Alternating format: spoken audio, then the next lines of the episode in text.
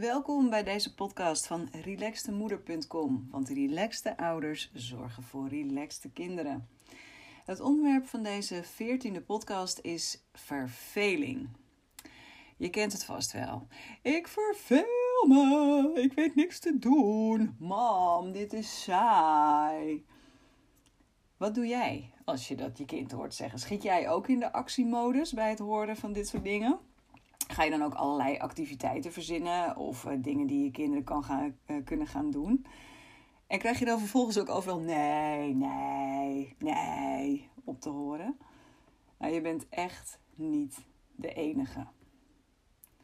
Maar waar zou dat nou mee te maken hebben? Hè? Waar zou het mee te maken hebben dat wij uh, het, het, bijna vervelend vinden dat onze kinderen zich vervelen? Of uh, dat, nou ja, dat we dat, dat liever niet zien?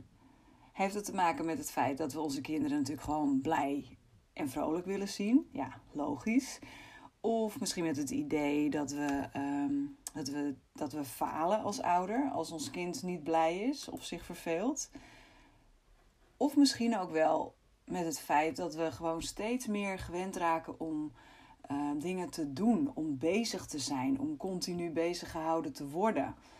Wij zelf, hè, maar ook onze kinderen. Het lijkt wel alsof we uh, dat, ja, niks doen, een beetje voor je uitstaren, alsof dat niet meer mag of zo, alsof we dat een beetje verleerd zijn. Ken je dat? Nou ja, in ieder geval het doet waarschijnlijk iets met je als je kind zegt dat hij zich verveelt. Het triggert over het algemeen iets. Welkom bij de podcast van relaxtemoeder.com. In deze podcast komen allerlei onderwerpen langs die iedere ouder in de opvoeding tegenkomt en waar je gewoon soms wel wat tips bij kunt gebruiken. Want opvoeden kan gewoon af en toe echt heel lastig en een enorme uitdaging zijn. Ik ben Linda de Groot en ik werk als opvoedcoach. En je kunt meer over me vinden op relaxtemoeder.com.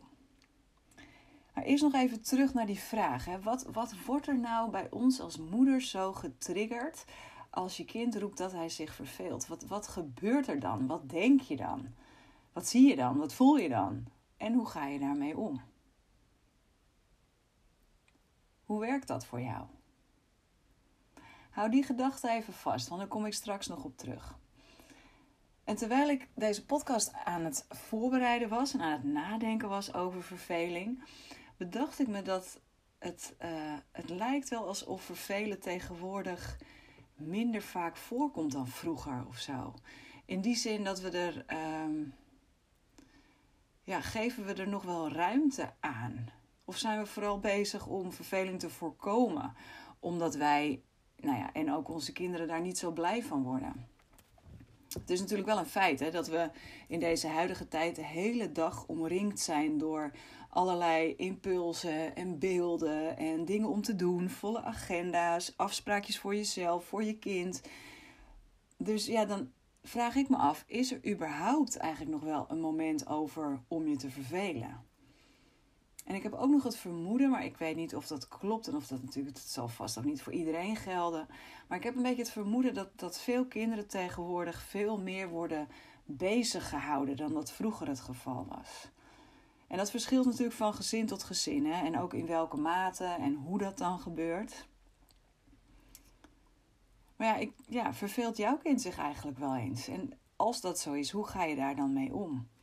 Is verveling iets uh, wat je wilt voorkomen, omdat je kind zich dan op een bepaalde manier gedraagt en dat dat, dat gedrag dan vervolgens weer iets met jou doet. Dus ja, en dat je dat wilt voorkomen. Ik heb eigenlijk wel goed nieuws voor je dan, want vervelen is juist top. Vervelen, uh, dat boort echt de creativiteit van je kind aan. Het zorgt ervoor dat hij een beroep moet doen om op zichzelf om uh, te kijken van ja, waar heb ik nou eigenlijk zin in? En om te gaan uitzoeken en om te gaan kijken welke mogelijkheden er zijn. Wat hij dus wel kan doen. In plaats van alleen maar te zeggen dat hij niets te doen heeft.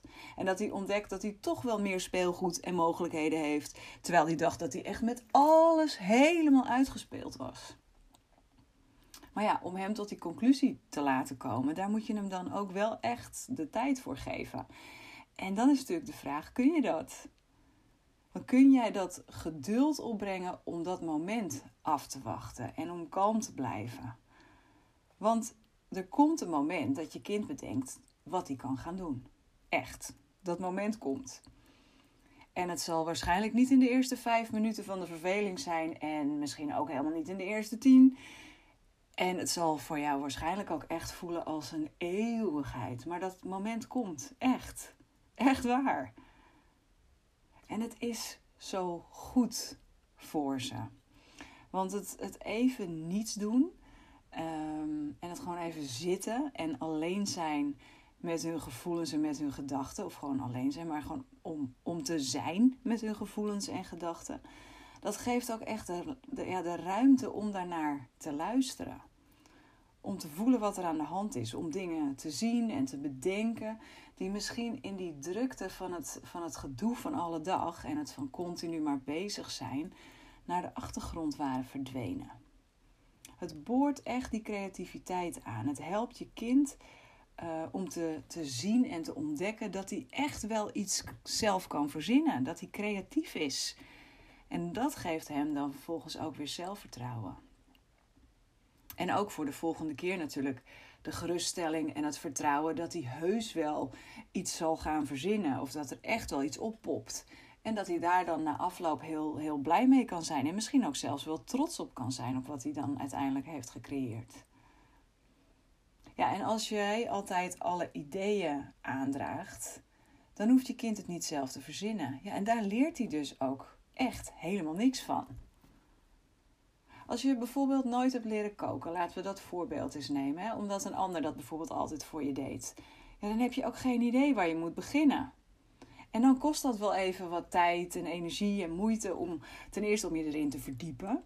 En om te vertrouwen op jezelf en op je eigen kunnen. En in het begin zal het heel veel tijd kosten om al die recepten uit te zoeken, te kijken wat je nodig hebt, hoe dat dan allemaal werkt, ook met de tijden, et cetera. Maar daarna zal het wel steeds makkelijker worden. En dat is eigenlijk met vervelen en met, ja, met het, het, het uit jezelf beginnen met een activiteit net zo.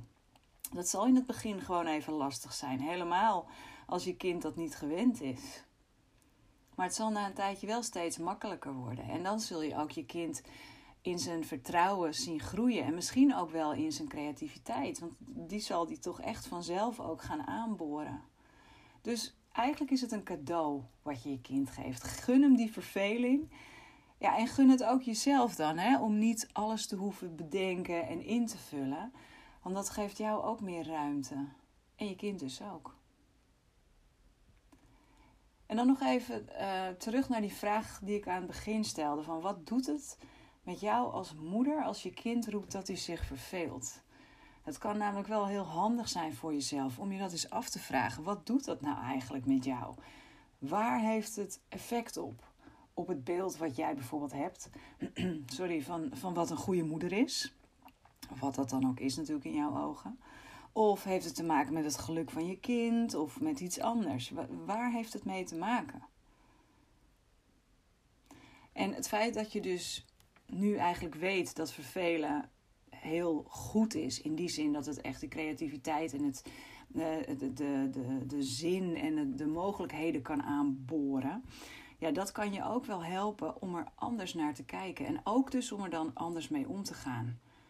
Ja, en hoe zou je dat dan kunnen doen? Nou, als jij bijvoorbeeld continu je geroepen voelt om dingen te gaan bedenken als je kind roept dat hij zich verveelt en dat je dan ook met je kind in gesprek gaat en ja, dan zou je zelf uh, bijvoorbeeld voor jezelf kunnen zeggen van nou, ik laat het bij één simpele zin als dat gebeurt. Bijvoorbeeld van uh, hè, uh, bah, wat naar dat je je verveelt. En dan vervolgens ga je zelf een bezigheid zoeken die desnoods ook nog elders ergens anders in huis is. Hè? Dat je, um, als je het lastig vindt om in de buurt te blijven, omdat je dan toch steeds overal, nou ja, in ieder geval het, gevoel hebt dat je overal antwoord op moet geven. Dan ga je gewoon lekker aan de, andere, van, aan de andere kant van het huis iets doen. En dan geef je je kind ook letterlijk en figuurlijk de ruimte om gewoon even alleen te zijn met zijn gevoelens en gedachten. Dus ja, het gaat er ook vooral om. Um, dat je het je kind gunt. Vervelen is top. Vervelen is top. Vervelen is top. Laat dat je nieuwe mantra zijn. En als we het dan nu toch over jou hebben, wanneer is de laatste keer eigenlijk dat jij je verveelde? Gun je dat jezelf ook nog wel eens? Want wie weet wat voor mooie gedachten en leuke ideeën er bij jou opkomen, of bij je kind, als jij straks op de bank gaat zitten en roept: Oh, lieverd, ik verveel me. Wie weet. Bedankt voor het luisteren. Ik vind het super leuk als je me laat weten wat je van de podcasts vindt. Of dat je hem deelt. En uh, nou, misschien is er wel een specifiek onderwerp waar je wat over wilt horen. Dan hoor ik dat graag van je. En wil je meer weten over relaxter opvoeden? Ik geef binnenkort weer een gratis webinar. En die kun je dan volgen via je telefoon of je laptop. Of nou, vanuit huis of waar je dan ook bent. En daarvoor kun je inschrijven via mijn website. En daar kun je ook verschillende e-boeken vinden. Gratis e-boeken over relaxed opvoeden. En onder andere over communiceren met kinderen. En je kunt me via Instagram volgen via relaxte underscore moeder. Of via Facebook op relaxte moedercoaching. Tot de volgende keer. En ja, het is echt zo. Relaxte ouders zorgen voor relaxte kinderen.